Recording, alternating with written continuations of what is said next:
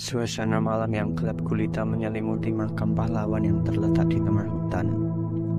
Tak ada seorang pun yang berani datang ke sana di malam hari, kecuali beberapa orang yang berani menerima tawaran untuk membersihkan dan merawat makam.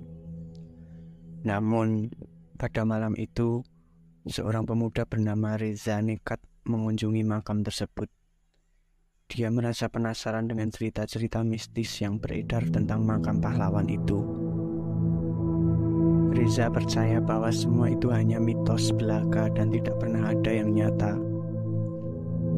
Setelah sampai di makam, Reza merasa lega karena tidak ada tanda-tanda keberadaan makhluk goib atau sosok mengerikan.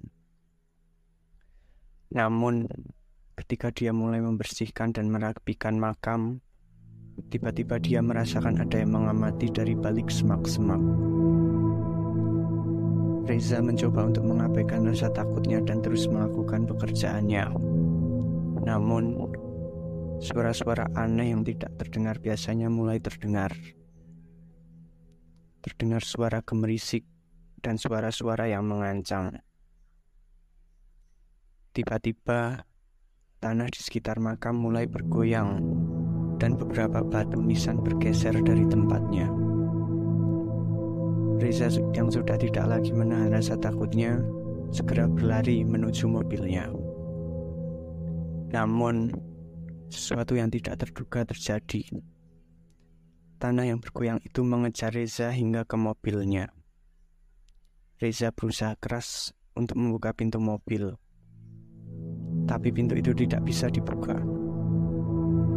Ia merasa terjebak dan sesak nafas. Tiba-tiba, dia merasakan ada sesuatu yang mencengkram kakinya dari bawah mobil. Reza mencoba untuk melepaskan kakinya, namun semakin dikejar-kejar. Akhirnya, Reza tidak kuat lagi untuk melawan rasa takutnya dan terpapar oleh kekuatan misterius yang berada di sana. Tubuhnya bergetar dan merinding tidak ada yang tahu apa yang terjadi pada Reza. Namun, cerita itu tetap menjadi misteri yang menghantui orang-orang yang pernah mendengarnya.